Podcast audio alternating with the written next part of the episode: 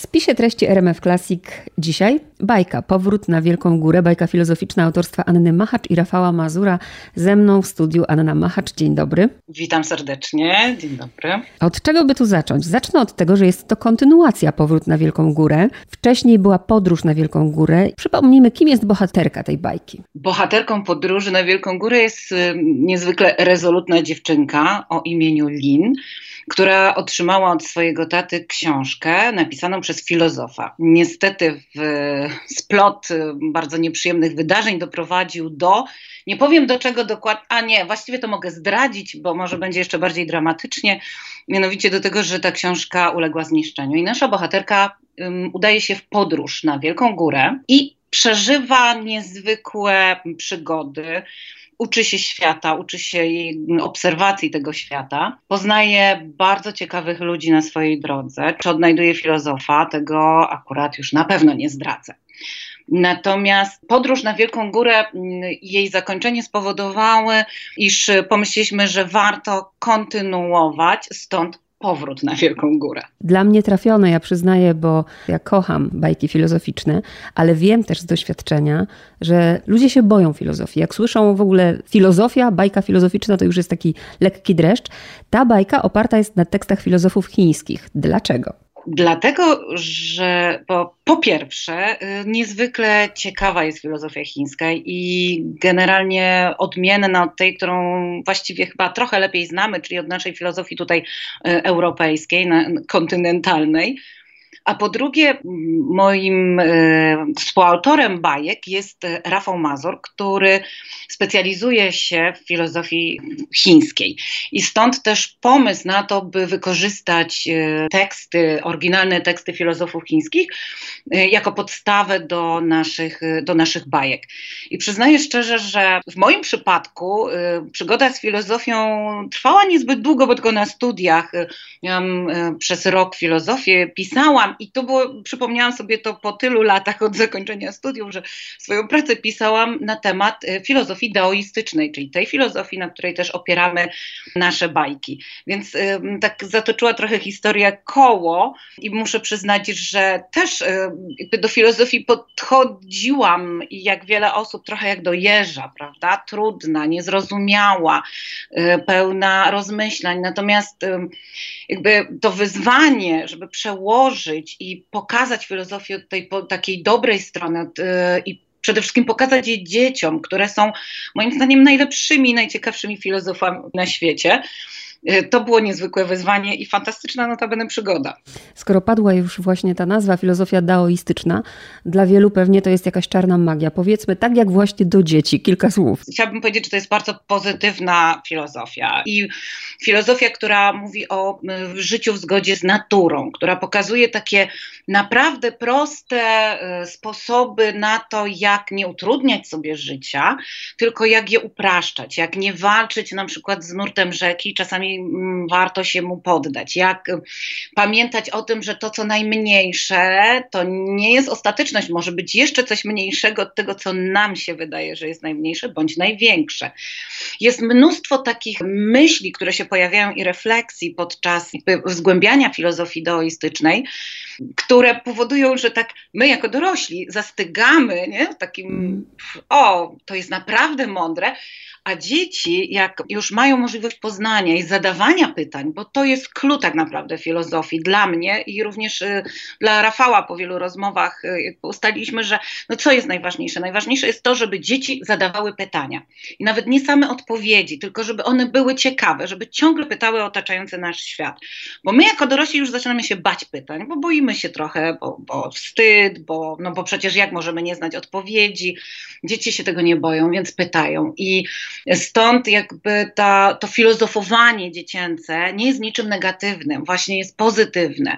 I myślę, że mm, dla wszystkich rodziców powinno być, y, choć czasami jest oczywiście uciążliwe, tak sobie myślę, jeśli dziecko ciągle pyta o to, o tamto, a dlaczego, a po co, a, a jak to jest, ale jednak to oznacza, że jest niezwykle wrażliwe, otwarte na świat i niech tak będzie jak najdłużej, najlepiej przez całe życie. O ile w pierwszej części w podróży na Wielką Górę te pytania były takie bardziej egzystencjalne, o tyle druga część związana jest z ekologią. Tak, dlatego że to jest niezwykły problem, który dotyczy nas wszystkich y, i bardzo dużym stopniu przede wszystkim dotyczy naszych dzieci, bo no, pewne pokolenia przemijają. Nasze dzieci zostaną z czymś, co w sumie my im pozostawiliśmy, z dość mocno zniszczoną i, i chorą ziemią. I tak naprawdę chodziło nam o to, żeby zwrócić uwagę na, na, różne problemy, które dotyczą mm, tego, co się teraz dzieje, i przede wszystkim naruszania pewnego porządku natury. I o tym też e, filozofia chińska mocno, e, jakby mocno to zaznacza, żeby żyć w zgodzie z naturą. I e, tak też nasza bohaterka to dostrzega, choć żeby to dostrzegła, musiała troszeczkę wyjść poza, poza pewne ramy, poza pewne schematy, no ale o tym to trzeba przeczytać. Natomiast faktycznie dla naszej bohaterki i dla wielu osób, które, które spotyka na swojej drodze, wracając na Wielką Górę, jest e, to, co się dzieje z Ziemią, jest wielkim problemem. Z tym, co tak naprawdę my sami z nią robimy, jeśli mogę tak powiedzieć. Natomiast Natomiast y, powiem tylko, że y, nadzieja jest najważniejsza zawsze jak się okazuje. Dedykowana ta książka jest dzieciom w jakim wieku? To jest doskonałe pytanie, dlatego że w ogóle dzisiaj pojawiła się taka bardzo piękna recenzja napisana przez jedną z blogerek w każdym razie i ona tam e, nakładnie napisała i to mi dało dużo do myślenia, bo my oczywiście określiliśmy, że to jest wiek e, dzieci tam 7 plus, e, ale tak naprawdę książkę, mm, jeżeli czyta się z rodzicami, a tak, tak też jest przygotowana, my postaraliśmy się przygotować ją w ten sposób, by były mm, takie teksty od filozofa, jak czytać dany rozdział, daną przygodę, jak to rozumieć, tak by móc rozmawiać z dziećmi na ten temat. Tak więc y, można już ze starszym przedszkolakiem porozmawiać o tym, co dookoła nas i przeczytać tę bajkę bezproblemowo, ale też i mm, starszy, jak i młodzież, tak i starsze dzieci, czy też dorośli bez y, problemu tę bajkę mogą czytać. Takie jest moje zdanie na ten temat. Tym bardziej, że ja w ogóle jestem wielką taką, znaczy ja kocham bajki, kocham baśnie, Mm, lubię je pisać, to po pierwsze, no ale przede wszystkim lubię je czytać. I wydaje mi się, że często zapominamy, że bajka czytana może być na różnych poziomach i dla nas dorosłych będą to być może trochę inne treści, inne rzeczy wyniesiemy z niej, dzieci inne ale w związku z powyższym możemy je czytać wszyscy, tak mhm. naprawdę. A to, że mamy dokładny opis rysunku, czy to jest, dla, żeby objaśniać dzieciom niewidomym, czy zupełnie nie idę w tę stronę? Bardzo dobrą stronę pani mhm. idzie, bo jakby założeniem w ogóle naszego wydawnictwa wrażliwego jest to, żeby być dostępnym dla wszystkich. Mhm. Czyli e, wprowadzenie audiodeskrypcji ilustracji jest tym jednym z tych elementów, który pozwala rodzicowi e, dziecka, e, które niedowidzi lub jest niewidome, właśnie opisać tą ilustrację już naszymi słowami. Upraszczamy to troszeczkę dla niego, prawda? Bo opis ilustracji, notabene tych bajek, jest niezwykle trudny. Ja bardzo lubię ilustracje, które przygotowała Kamila Golec, natomiast jak zaczęliśmy przygotowywać ich e, audiodeskrypcję, to no jest to niezwykle trudne do opisania. E, mnóstwo kolorów, kształtów i teraz e, jak to pokazać, jak to napisać, by ktoś mógł sobie to wyobrazić.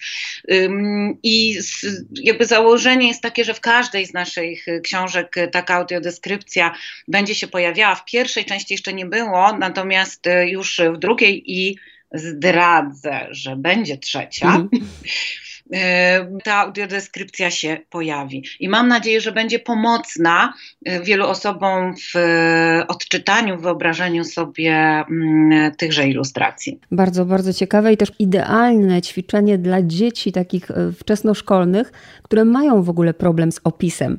Więc na tej podstawie dzieci, rodzice też mogą z nimi ćwiczyć te, to opisywanie, prawda, tego, co, co tak. jest. A w takim razie jak to jest? No bo Kamila Golec ilustrowała, Anna Macha czy Rafał Mazur, żeby tu jeszcze mm, pana Rafała tak przywołać nie wiem, czy wy jesteście znajomymi i wpadliście wspólnie na pomysł napisania y, razem bajki. Jak to było? Jakie to były początki? A to jest y, niezwykle dla mnie y, zabawne. Znaczy, my z Rafałem Mazurem studiowaliśmy wspólnie teatrologię. W pewnym momencie po studiach troszeczkę nam się drogi rozeszły.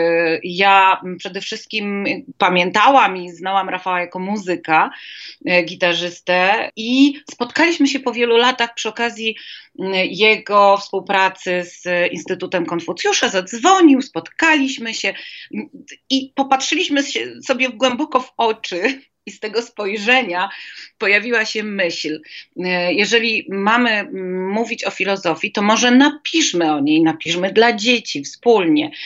I, e, I tak e, powróciliśmy do naszej tutaj kiedyś naprawdę bliskiej przyjaźni na, na studiach i wspólnie najpierw powstała pierwsza część, później druga, szykujemy się do trzeciej, przeprowadziliśmy już sporo również zajęć.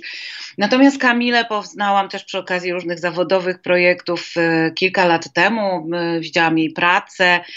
Powiem szczerze, że jakby zauroczona jej e, myśleniem i tym, w jaki sposób e, opisuje, malując rzeczywistość, pomyślałam, że naprawdę byłby to świetny pomysł, by to Kamila ilustrowała nasze, nasze bajki. Zresztą Kamila współuczestniczy w, w tworzeniu różnych rzeczy w wydawnictwie, tak więc y, stąd tak nam się ta trójka, trio pojawiło.